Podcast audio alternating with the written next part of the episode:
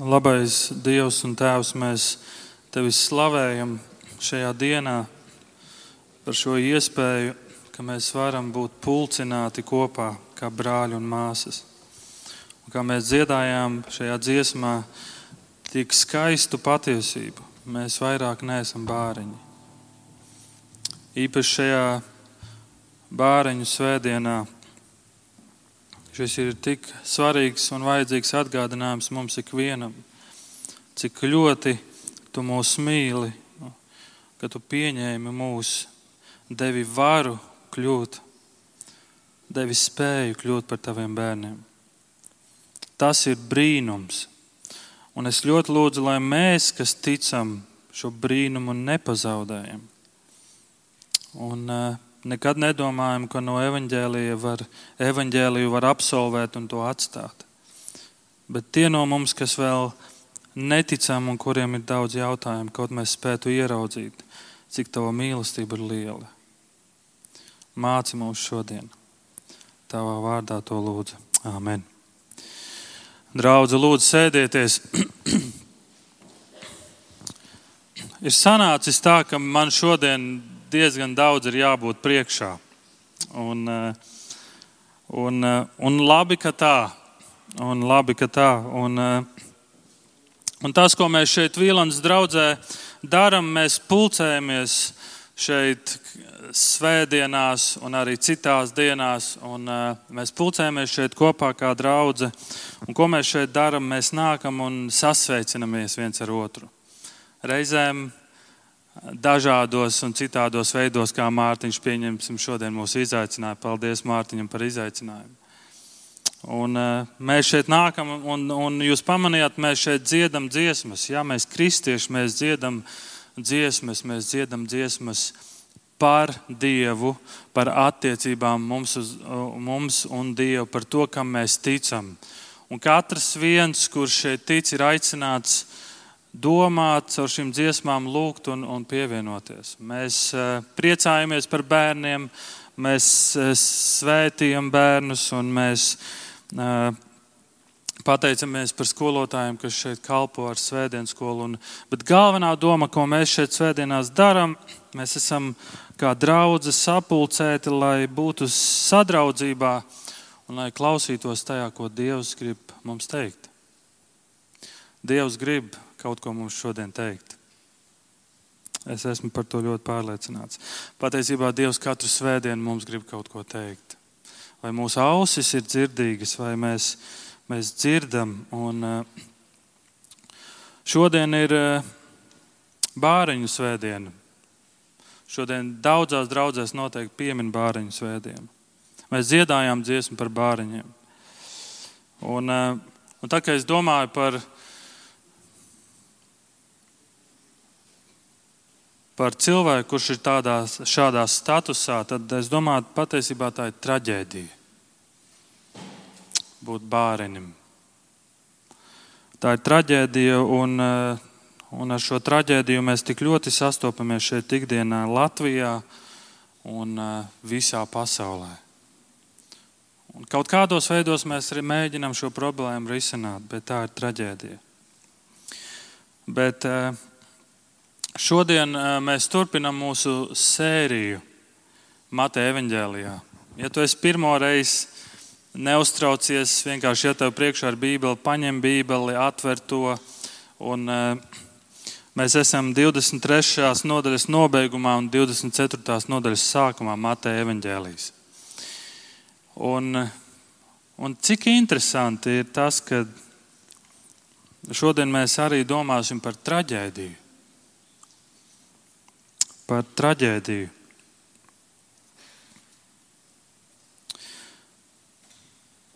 Mateja evanģēlijas 23. nodaļas beigas sāksim, eh, lasīsim no 37. panta.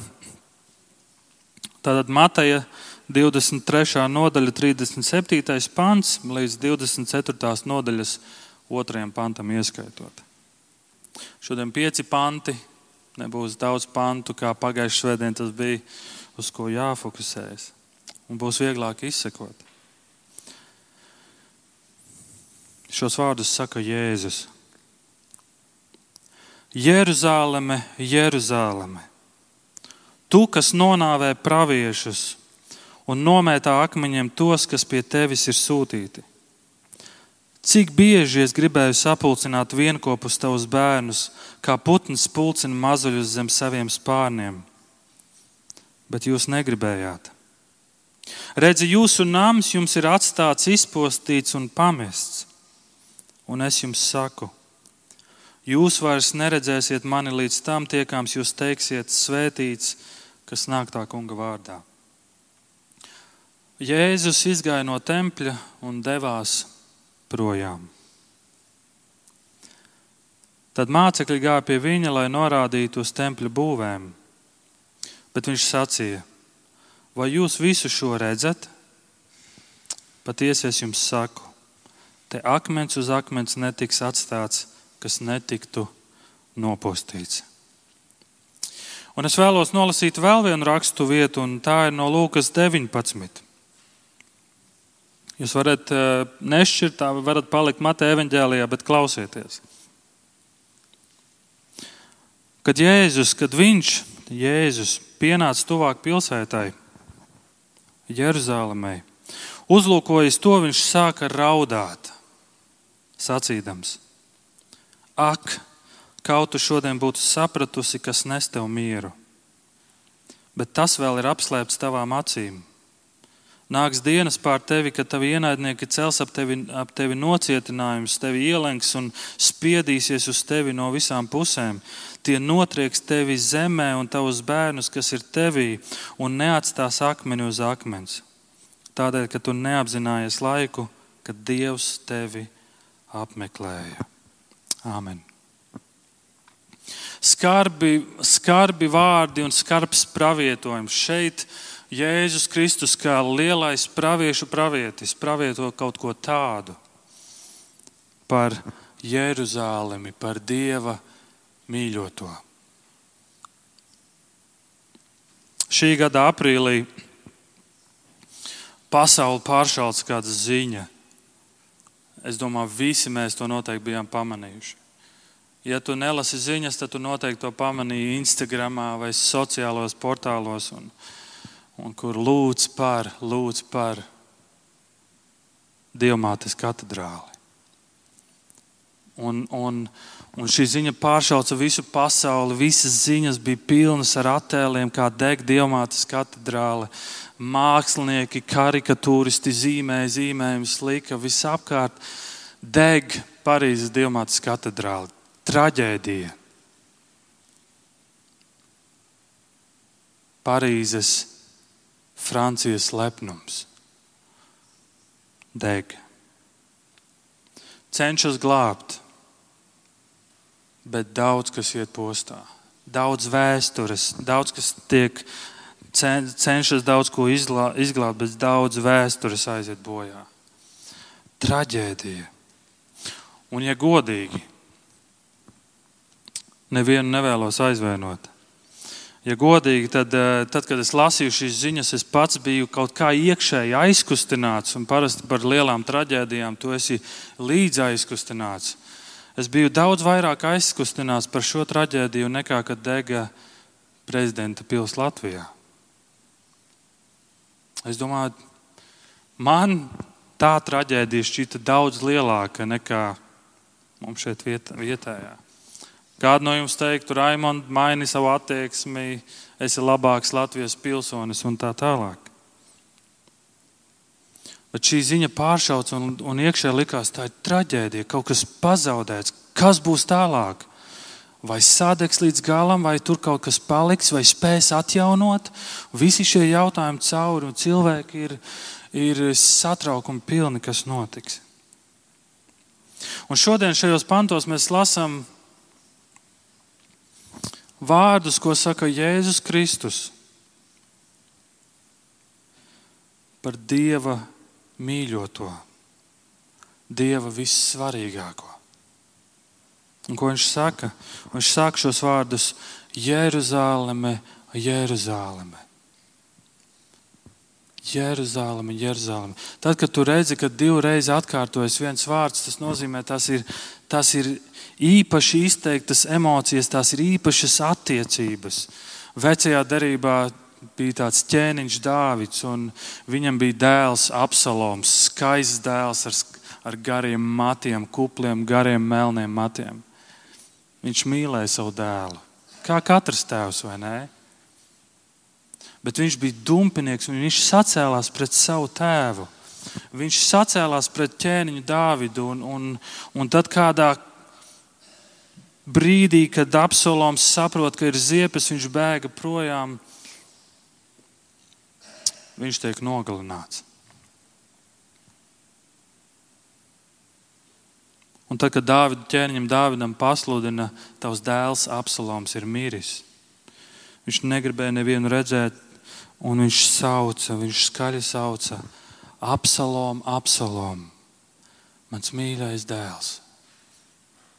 Mans mīļais dēls ir miris. Absalom, Absalom, tur ir ilgas, tur ir sāpes, tur ir sauciens. Un tāpat Jēzus šeit skatās uz Jeruzalem. Šobrīd viņš atrodas templī.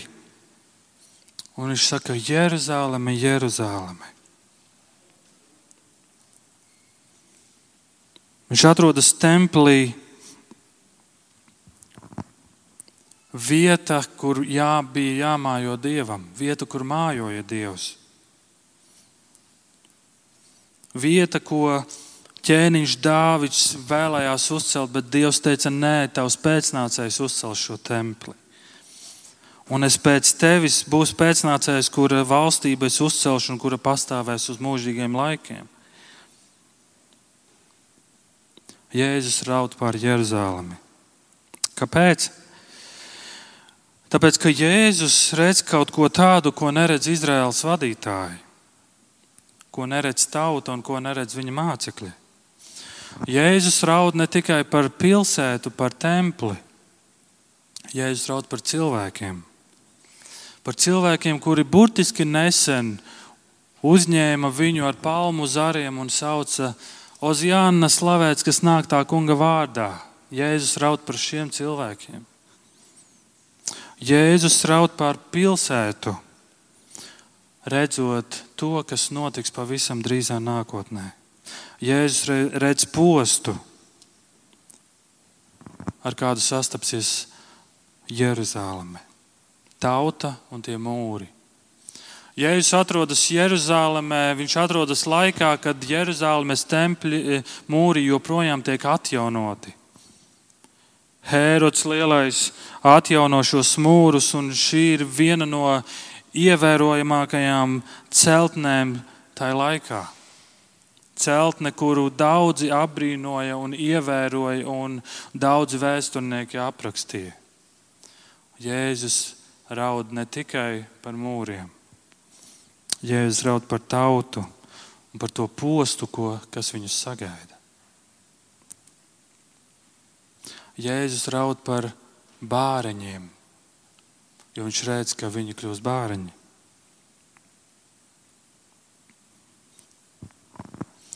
Un pagājušajā reizē mēs domājam par Jēzus vārdiem, par skarbajiem vārdiem, ko Jēzus runāja uz farizējiem, uz tautas vadītājiem. Un tad, kad es klausījos šo svētru, nu, godīgi sakot, vienā brīdī man iekšēji bija tāda sajūta, sadod viņiem Jēzu. Sadod viņiem, tie farizēji, sadod viņiem tā, ka parādi, kurš te ir valdnieks. Bet šie pirmie divi vārdi, Jeruzalem, Jeruzalem, parāda Jēzus sirdi. Viņš raud par Jeruzalem, viņš raud par šiem visiem vadītājiem, kas viņu atstūma. Viņš raud par saviem ienaidniekiem. Viņš raud par cilvēkiem, kuri iet pazušanā. Un tad šis jautājums mums, Vīlandas draudzē, mums, Kristus sekotājiem. Vai tu raudi par cilvēkiem, kas iet pazušanā? Vai mūsu sirds raud Vīlandas draudzē? Vai tavas acis spēja redzēt cilvēkus apkārt, kur viņi dodas?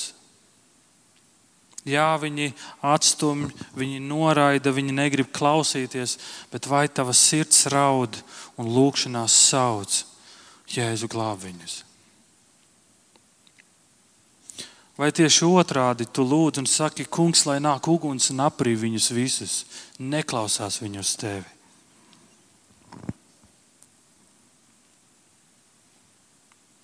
Vai tu vienkārši vienaldzībā noskaties un domā, paši vainīgi, kas būs, būs?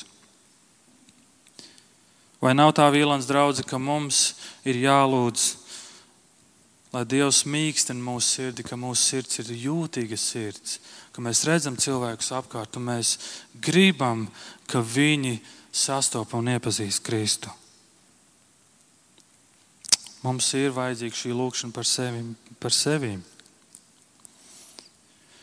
Un tad Jēzus turpina, viņš saka, Jeruzalem, Jeruzalem, tu, kas nonāvē praviešus un nomaitā akmeņiem tos, kas pie tevis ir sūtīti. Cik bieži,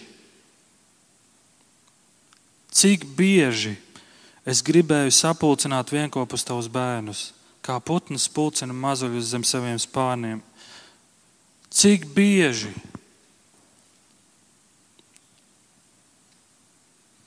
Cik bieži Šis, šie divi vārdi norāda to, ka tas ir noticis ļoti bieži. Vecajā darbā skatoties, tur redzi, Dievs vienmēr iet pakaļ savai tautai. Dievs vienmēr grib aizsniegt un vilkt pie sevis atpakaļ. Dievs ir tas, kurš vienmēr meklē. Dievs sūta praviešus, Dievs sūta savus vīrus, kas sludina Dieva vārdu, kas sludina patiesību. Tā tev var nepatikt. Bet ko dara Dieva mīļotā tauta, Dieva izredzētā tauta. Viņi nogalina šo patiesību. Viņi negrib neko no tā dzirdēt. Pāris svētdienas atpakaļ mēs dzirdējām šo līdzību par, par, par cilvēkiem, kas izīrēja biroja ēkas. Atcerieties, Mārkus sludināja par to. Un tur redzat, cik Dievs ir pat, pacietīgs. Un, un viņš kā nama saimnieks, viņš sūta vēl kādus uh, nama pārvaldniekus un ko viņi izdara ar šiem nama pārvaldniekiem. Cik bieži es esmu centies, un Jēzus šeit saka, cik bieži es gribēju sapulcināt vienopus tavus bērnus, kā putns pulcina mazuļus zem saviem spārniem. Tur redzi Jēzus sirdi šeit. Es domāju, cik skaists salīdzinājums, cik skaisti vārdi, cik skaists piemērs. Man šeit pat piemērs nav jāpiemeklē, cik skaists piemērs šeit ir izteikts.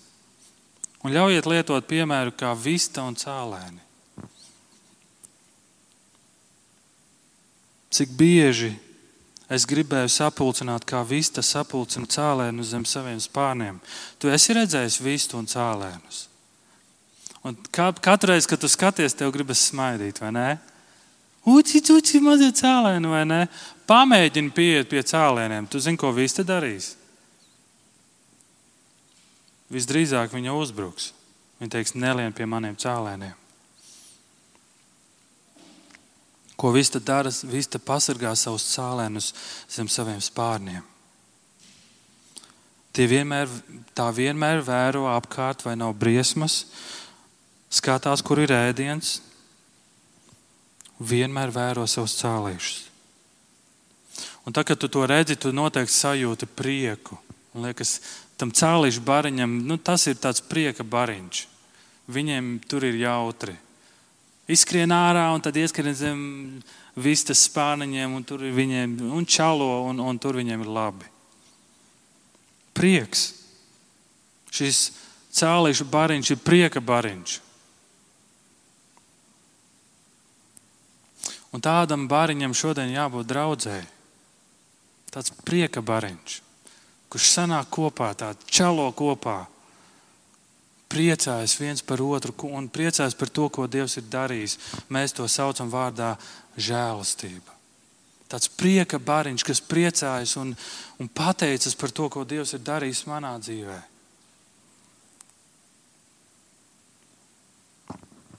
Viņš grib sargāt mūs zem saviem spārniem. Un Jēzus saka šos vārdus, cik bieži es gribu, esmu gribējis tevi pasargāt zem saviem spārniem. Jēzus ir mūsu prieks. Un draudz ir tā vieta, kur tev būtu jāatrod brāļi un māsas, kur tev būtu jāatrod ģimene, ka tu vairs sevi nesauc par bērni. Kur tu atrodi mammu vai tēti? Es draudzē atradu tēti, jo man tēta nav bijis. Un draudzē ir tā vieta, kur, kur vajadzētu to atrast. Un, ja es saku, cik bieži es esmu gribējis tevi sapulcināt, kā vista sapulcina cēlēnu zem saviem spārniem, zem šiem spārniem ir drošība. Ja debesīs parādās vānaks, vista to zina. Tā brīdina savus cēlēnus un cenšas paslēpt, paslēpt pirmkārt cēlēnus un pati sevi, lai būtu drošībā. Lūk, kas ir Dievs. Lūk, kas ir Dievs tiem, kas nāk pie Viņa caur Jēzu Kristu. Viņš ir mūsu drošība. Viņš tevi apklās ar saviem spārniem, un tu paļausies uz viņu. Viņa patiesība būs tavs vairogs un sargs. Viņa patiesība būs spārni, kas tevi pasargās. Pat ja vecais grēks gribēs nākt atpakaļ un nākotnes kārdinājumi uzbāzīsies, tu tiksi pasargāts. Tāpēc, ka tu esi zem viņas pāriem. Vai, vai tas nav skaisti? Es, do, es lasu un es domāju, ārprāt, cik skaists salīdzinājums. Jēzu, labs darbiņš. Protams, viņš ir labākais mācītājs, labākais runātājs.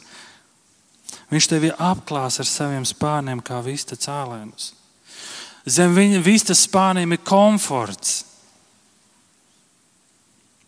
Tu esi pasargāts no lietus, no augstuma, no sala, no ziemas. Visas spārni ir cēlīšu pilsēta. Un es domāju, daudzi no mums varētu aprakstīt un varētu nākt priekšā un teikt liecību, cik daudzas reizes, kad es esmu gājis grūtiem laikiem, Dievs ir bijis mans miers, mans sargs, mans komforts. Tad, kad tu zaudē tuvinieku, tad, kad tu zaudē biznesu, tad, kad tu esi ciešanās vai slimībās, mēs tik daudz esam piedzīvojuši. Un tur redz, Dievs ir mans miers, Dievs ir mans komforts, jo es esmu zem viņa spārniem. Lūk, kādu leksiku Jēzus šeit lieto. Vista mīl savus cālīšus, un viņi notika, kā jūs domājat, viņi to sajūt? Cip, cip, nāciet šurp, un viss cālīši zem spāniem, un viņi jūt, kā mamma mīl viņus. Šīs attiecības ir kaut kas īpašs. Paskatieties YouTube video, kā Vista cīnās par saviem cālīšiem un jūs sapratīsiet, joki nav mazi. Viņa ir gatava mirt par saviem cēlīšiem. 5. mūža grāmatā, 32. nodaļā, ir kāds cits salīdzinājums. Kā ērglis nomodā par savu līgstu, par saviem ērglēniem plīvu, izpleš spārnus, tos segdams gulda tos savās dūnās. Tā kungs viens veda viņus kopā ar viņu, nebija cita dieva. Kā seglos viņš nolika tos savas zemes augstienēs, lauka labumiem ēdināja. Viņš zīdīja tos ar medu no klints un ar eļļu no krama, ar govju sviestu un kazu pienu, ar jēru treknumu, ar bāšānas auniem un kazām, ar visleknākajiem kviešiem, un tu dzēri sarkanās vīnogu asinis. Kad tu pēdējo reizi esi dzirdējis no Dieva, cik ļoti Viņš ir? Tevi mīl. Kad pēdējā reize, kad tu esi piedzīvojis, Dievs mani mīl, kā neviens cits, es esmu mīlēts. Kad pēdējā reize tu esi piedzīvojis prieka asaras, sajūtot šo īpašo sajūtu, Dievs mani mīl kā tādu cālīti un pasargā zem saviem spārniem.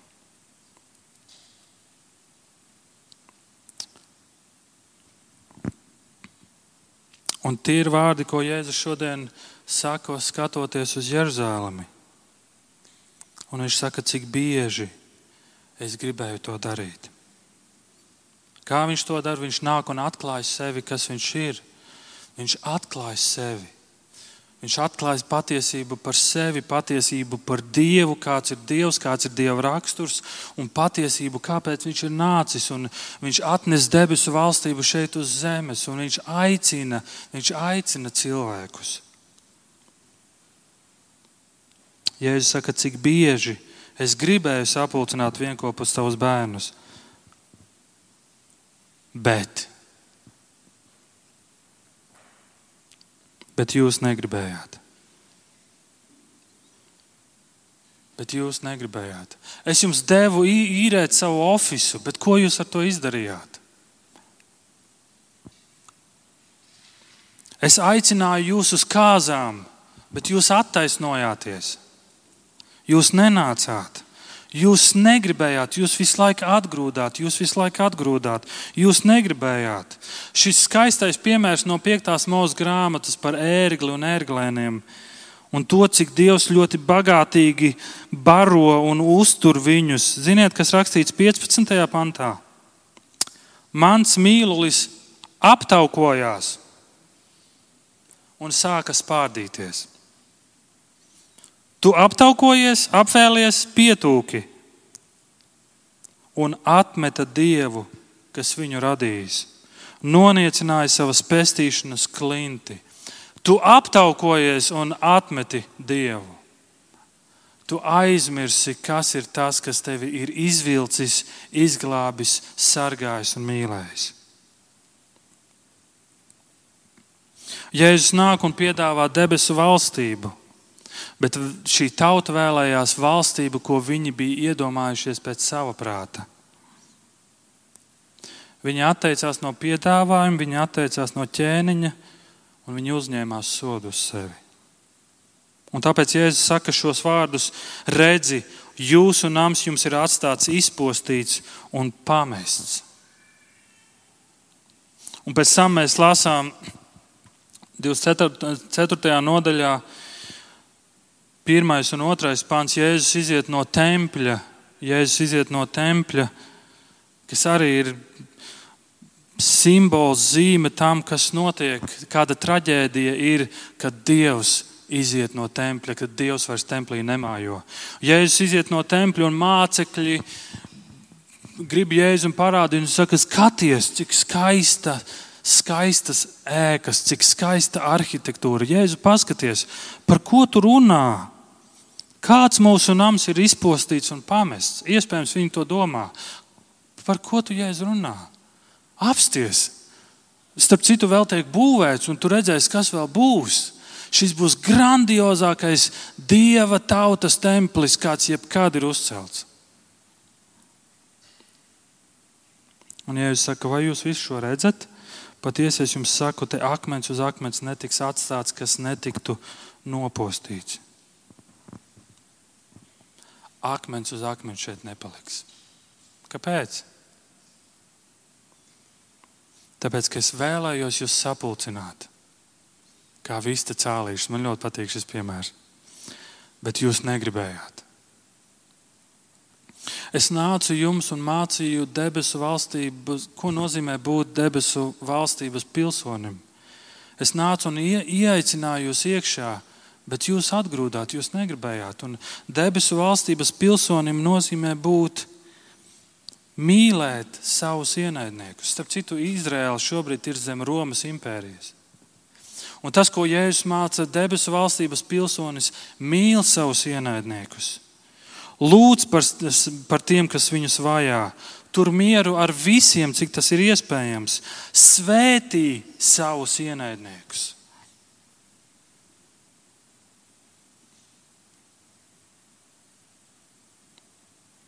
Bet jūs to nevēlējāties. Jūs vēlējāties būt tauta kā citas tautas.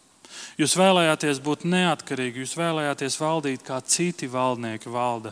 Jūs gribējāt savu valstību, jūs gribējāt paši valdīt, jūs gribējāt valdīt kā valda citas tautas. Un kā valda citas tautas?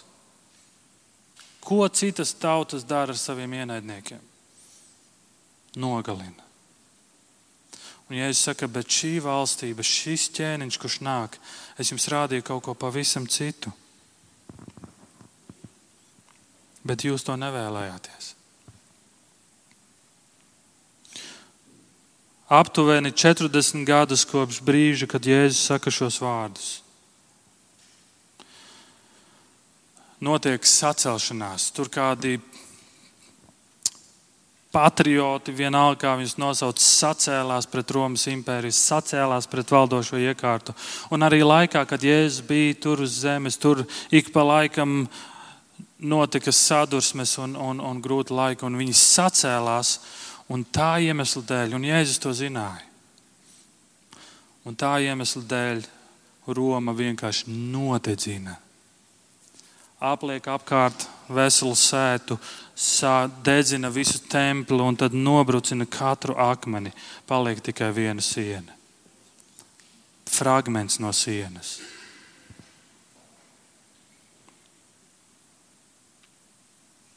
Kāpēc tas viss? Tāpēc, ka jūs nevēlējāties manu valstību.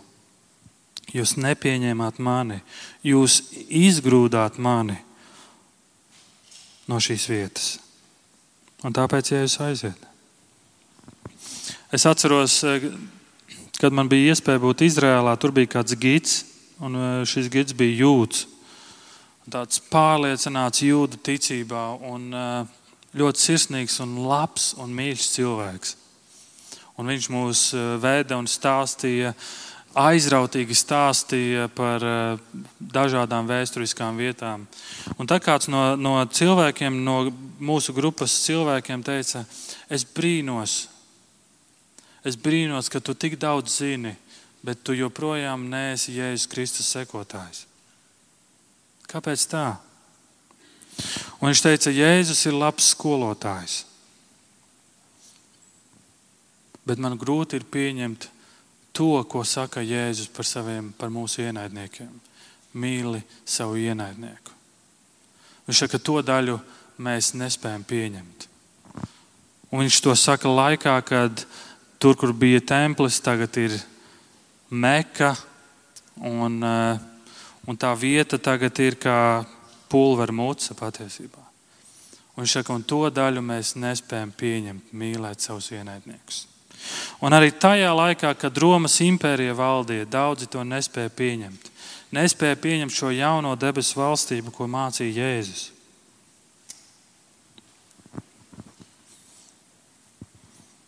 Dieva tauta nevēlējās pieņemt.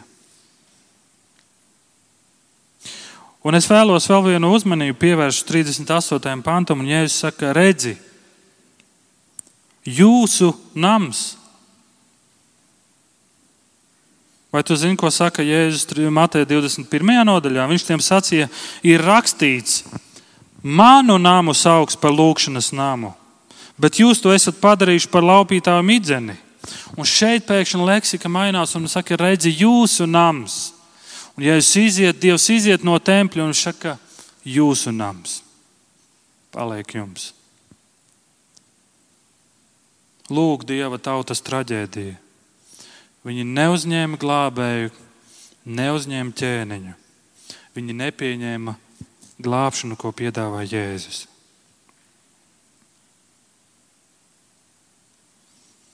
Četrdesmit gadus pēc Jēzus nāves templis tiek nopostīts ģenerāļa Titus vadībā.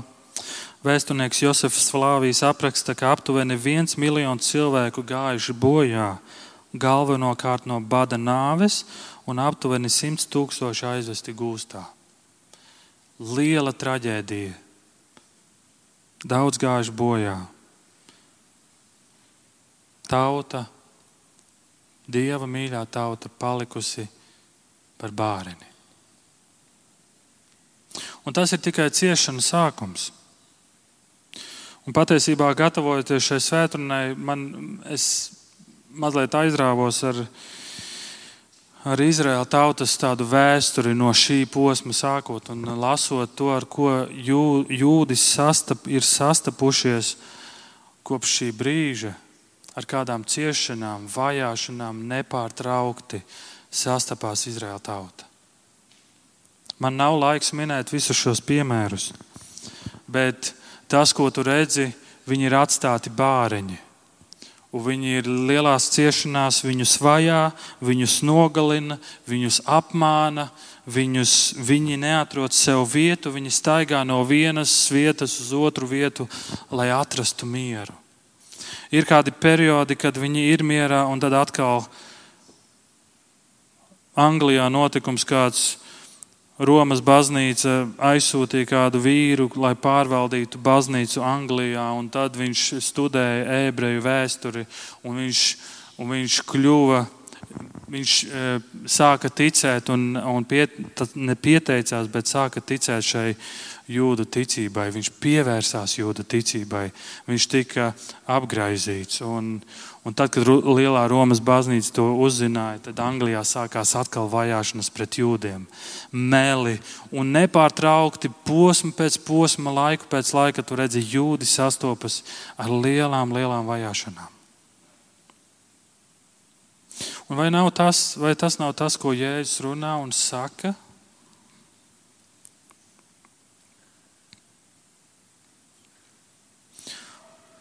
Jēzus iziet no tempļa un dodas prom. Mācekļi gāja pie viņa, lai norādītu uz tempļa būvēm, bet Jēzus saka, vai jūs visu šo redzat? Patiesi es jums saku, te akmens uz akmens netiks atstāts, kas netiktu nopostīts. Jēzus pravietojums piepildās mīļie. Dieva mīļotā tauta, Dieva vienīgā izredzētā saņem sodu un cieši traģēdiju. Un tāpēc rodas jautājums, ja Dievs tā izrīkojas ar savu tautu, ar savu mīļoto, cik daudz vairāk un kā viņš rīkosies ar visu pārējo pasauli.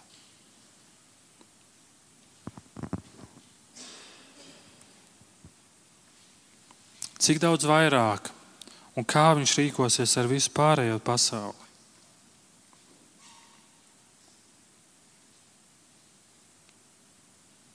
Dieva tauta sastapās ar tiesu par netaisnību, par grēku.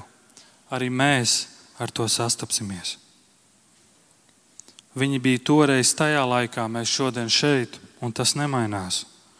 Tiesa par grēku joprojām ir aktuāla. Un Jēzus saka 39. pantā, un es jums saku, jūs vairs neredzēsiet mani līdz tam, tiekams jūs teiksiet, svētīts, kas nāk kunga vārdā. Un šodienas panti un šodienas vārdi ir kā tāds brīdinājums, nepalaitos garām. Dievs tev šodien kaut ko grib teikt. Tiesa grēciniekiem ir nenovēršama. Jeruzalem ar to sastapās. Ne tikai vadoņi, ne tikai mācītāji, bet visi, kas viņos klausījās un visi, kas paklausīja šai mācībai, visa tauta tika nopostīta. Un te nu mēs esam šodien. Tiesa grēciniekiem ir nenovēršama. katrs cilvēks šajā telpā, katrs vīrietis un katra sieviete, bez izņēmuma, stāvēs Dieva priekšā un atbildēs par savu dzīvi. Tas ir, šīs, un tas, ir tas, ko Jēzus šeit mums parāda šodien, un ko viņš mums saka. Bet tikpat labi, kā man patīk šis salīdzinājums ar cālīti un ar vistu un cālīšiem, tikpat labi man arī tik ļoti patīk, ka šajos pantos ir arī labās ziņas. Glābšana šodien joprojām ir iespējama. Un, ja es saku, es tik ļoti ilgojos, sapulcināt zem saviem spārniem un sniegt jums mieru un drošību un glābšanu. Vecais ir pagājis, viss ir tapis jauns, vecais templis ir nopostīts, Jēzus ir stūrakmens, jauns pamats jaunam templim. Un Jēzus saka mācekļiem, jūs skatāties uz šo ēku, uz šo vareno ēku, bet jūs nesaprotat galveno domu. Jūs lepojaties ar savu templi, tas ir jūsu lepnums. Bet šī vieta vairs nebūs vieta, kur sastopas cilvēks ar Dievu. Tas viss mainās. Un tagad tā vieta būs Jēzus. Kad Jēzus mirst pie krusta, tempļa priekškars no augšas uz leju pārplīst uz pusēm. Vissvētākā vieta vairs nav šeit. Vairs nav nepieciešams augstais priesteris. Vēstule ebrejiem saka, ka Jēzus ir mūsu augstais priesteris. Un šodienas aicinājums joprojām skan nemainīgi, un tas skan mums Vīlandē no svētdienas uz svētdienu. Un es ļoti ceru, ka no dienas uz dienu mūsu ikdienas dzīvē nāc pie viņa. Nāc zem viņa spārniem, nāc šajā patvērumā. Tu zini, kas ir ar cēlīšiem, kas neiet zem visas spārniem, īpaši tad, kad briesmas draud iznīcība. Šis cēlīts tiek, visdrīzāk tiek paņemts prom. Un tas ir tas, ko Jēzus saka par, Izra par Jeruzalemi. Es tik ļoti gribēju, es tik ļoti gribēju, cik bieži es to centos. Es daudz laiku pavadu savā garāžā.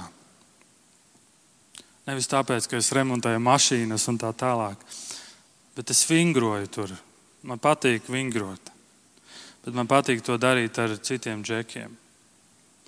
Un tas, ko es redzu šo džeku dzīvēs, viens no, viens no šiem džekiem, mums ir īpaša saruna, mēs runājam par Dievu, un man tāds sajūta, ka viņš nedzird vai viņš nesaprot daudzas lietas. Un, un nākamajā dienā viņš man zvana, pat eh, viņa brālis man zvana un saka, klausies, mans brālis iekļuvis avārijā avārijā, ka mašīna ir tā sadauzīta, ka, ka brīnums, ka viņam pašam pilnīgi nekas nekaita.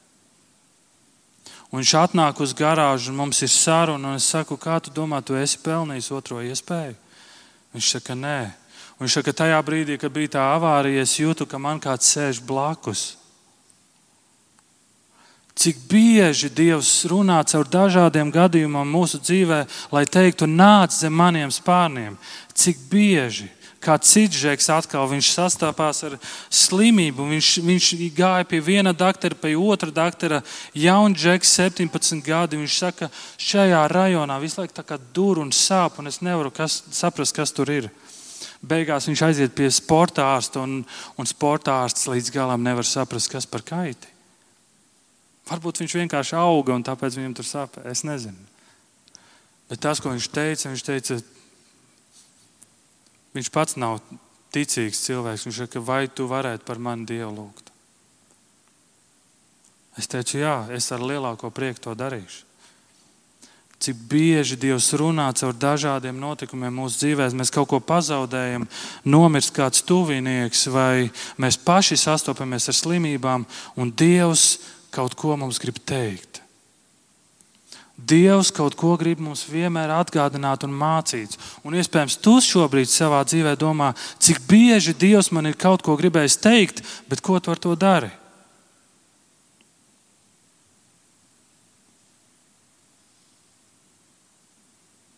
Bet ko tu ar to dari? Jēzus ir šī jaunā vieta, kur sastopas cilvēks ar Dievu. Jāņa otrajā nodaļā jūdi atnāk un jautā Jēzum, kādu zīmi to arī parādīt tā rīkodamies. Jēzus viņam teica, sagraujiet šo templi, un trijās dienās es to atkal uzcelšu. Un to viņš domā par sevi, par savu miesu. Jēzus ir šī jaunā vieta, kur mēs sastopamies ar Dievu. Viņš ir šis perfektais ķēniņš, priesteris Un 39. pants saka, ka viņš nāks atkal. Viņš nāks atkal. Bet šoreiz viņš nāks kā ķēniņš, kas valda. Ik viens lieksies viņa priekšā, un katra balss augs svētīts. Bet jautājums ir, kad viņš atgriezīsies, uz viņu skatīsies kā tiesnesi vai tu uz viņu skatīsies kā ķēniņu, kuru aicini un saki, svētīts, kas nāk tā kunga vārdā. Un mums šodien ir cerība, un tāpēc beigās ļaujiet trīs lietas teikt. Un pirmais aicinājums ir paslēpties zem viņa spārniem, ja tu to vēl neesi darījis. Izjūti atkal to, cik Dievs tevi ļoti mīl un cik Viņš ļoti tevi aicina. Klausies Viņa vārdos. Atcerieties, mums šeit draudzē eh, Zeks un Monta bija. Šeit viņi tagad ir Taivānā. Un man bija saruna ar Zeku, un viņš saka, Raimond, man ir grūtības ar, ar Montas vecākiem, mums ir grūtības komunikācijā un visādi sarežģījumi un tā tālāk. Un tā tālāk. Bet tāpat laikā Zeks mācās jaunu valodu. Viņš mācās latviešu valodu, un tad viņš vēl mācās grieķu valodu. Un tad viņš man stāsta par šo, par šo valodu. Viņš saka, ka un viņam ļoti viegli valodas padodas. Un es saku, kas ir tā atziņa, ko tu esi sapratis mācoties valodu? Un viņš teica, lai tu iemācītos valodu, tev ir jāklausās. Tev ļoti daudz jāklausās. Un tad es viņam teicu, Zēk, man liekas, problēma ar vecākiem un tevi ir tā, ka tu nesaproti viņu valodu, un problēma ir tā, ka tu neklausies. Klausies, ko viņi tev saka, un mēģini saprast, kāpēc viņi saka to, ko viņi saka. Tas bija tāds atziņas moments. Ja tu gribi dzirdēt valodu, tev, dieva valodu, tev ir jāklausās tajā, ko viņš saka. Un ko nozīmē klausīties? Katru dienu pavadi viņa vārdā. Klausies, ko viņš saka. Sākumā tev liksies, es neko nesaprotu, bet klausies, ko viņš tev saka. Klausies katru dienu, kā basketbolists Man bija iespēja būt uz porziņa spēli Amerikā. Īpašas emocijas, bet tāpat laikā tu skaties šis basketbolists, kā metā bumba krīt iekšā un liekas, wow, un visi aplaudē un visi par to priecājas. Bet šis spēlētājs katru dienu pavada treniņā un met vismaz tūkstots metienus. Vismaz tūkstots metienus viena treniņa laikā, un dienā viņiem ir vairāki treniņi, vismaz divi treniņi, cik man zināms. Cik bieži mēs klausāmies Dieva vārdos, cik bieži mēs ieklausāmies, ka Dievs saka, es gribu jūs sapulcināt kā cēlīšus. Es gribu jūs sapulcināt, paslēpties zem maniem spārniem. Otrais, ko jau arī pagājušajā reizē mēs domājām, staigāsim gudri zem Kristus autoritātes pasargāsim sevi un pasargāsim arī apkārtējos no tā, ka mēs neiekrītam reliģijās un dažādos maldos. Pasargāsim sevi, esot tīrā Dieva vārdā, un, un, un sargāsim sevi no meliem un maldiem, kas nodara lielu kaitējumu. Staigāsim atbildīgi un gudri. Un trešā lieta, ar to es arī nobeigšu Jēzus raud par Jeruzalemi. Jēzus raud par pazudušajiem. Un man liekas, šis norāda uz tādu misijas uzdevuma aicinājumu. Vai mēs raudam par tiem, kas vēl nepazīst Kristu? Vai mēs raudam par tiem, kas ir bāriņi? Ne tikai fiziski bāriņi, bet arī garīgi bāriņi. Vai mēs raudam, vai mana sirds par to raud? Un, ja mana sirds neraud, tad šodien ir brīd, tas brīdis, mīļā draudzene, kad mums jāsauc uz Dievu un jāsaka, Dievs mīkstina manu sirdi. Ka es redzu cilvēkus apkārt un mana sirds raud. Mana sirds raud par to, kas notiek ar cilvēkiem apkārt. Jo posts un bēdas būs daudz lielākas kā dievmātes katedrāles degšana. Būs daudz lielākas kā Jeruzalemes tempļa nopostīšana. Lai Dievs mums palīdz, ka šo klausoties, mēs neesam vienaldzīgi, mēs ļaujam, ka Dievs runā uz mums. Mēs paļaujamies un meklējam viņu no jauna, un ka mūsu sirds rauda. Šodien ir tā diena. Lūksim Dievu.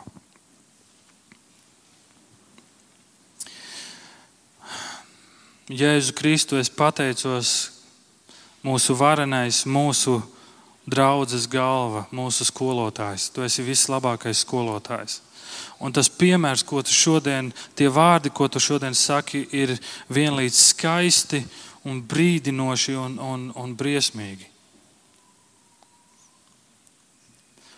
Jēzu, paldies par tavu sirdi, par tavu piemēru, par to, ko tu rādi, cik ļoti tu mīli savus cilvēkus un cik ļoti tu mīli visu pasauli, cik ļoti tu mīli apkārtējos. Es ļoti lūdzu, ka mēs esam draugi, kurā tev patīk mājot. Es ļoti lūdzu, ka mana miesa ir templis, kurā tev patīk mājot. Kurā tev ir gods un slava un pateicība. Jēzu, paldies par to, ko tu esi paveicis, ko tu esi darījis. Un palīdz, ka šie vārdi no mūsu prātiem aiziet līdz mūsu sirdī. Un es ļoti lūdzu, lai mana sirds iežēlojas, lai mana sirds spēj piedot, lai mana sirds spēj mīlēt tā, kā tu mīlēji. Lai mana sirds spēj raudāt tā, kā raudāja tava sirds. Jā, Jēzu palīdz, izlai pār mums savu mīlestību no atkal no jauna, ka mēs piedzīvojam, ar cik lielu mīlestību tu mūs mīli. Un ka ar šo mīlestību mēs ejam tālāk un mīlam apkārtējos. Jēzus Kristus, lūdzu par ikvienu tavu sekotāju šeit šobrīd, ka tu mīkstini mūsu sirdi un izlai savu mīlestību. Un es ļoti lūdzu par ikvienu, kuram varbūt ir daudz jautājumu ka šis cilvēks, ka šie cilvēki ir drosmīgi saukt uz tevi un teikt, es gribu patvērties zem, zem taviem spārniem. Un to tu dari tik bieži, šodien joprojām. Paldies, Tev, Jēzu! Slavēts, lai ir Tavs vārds! Āmen!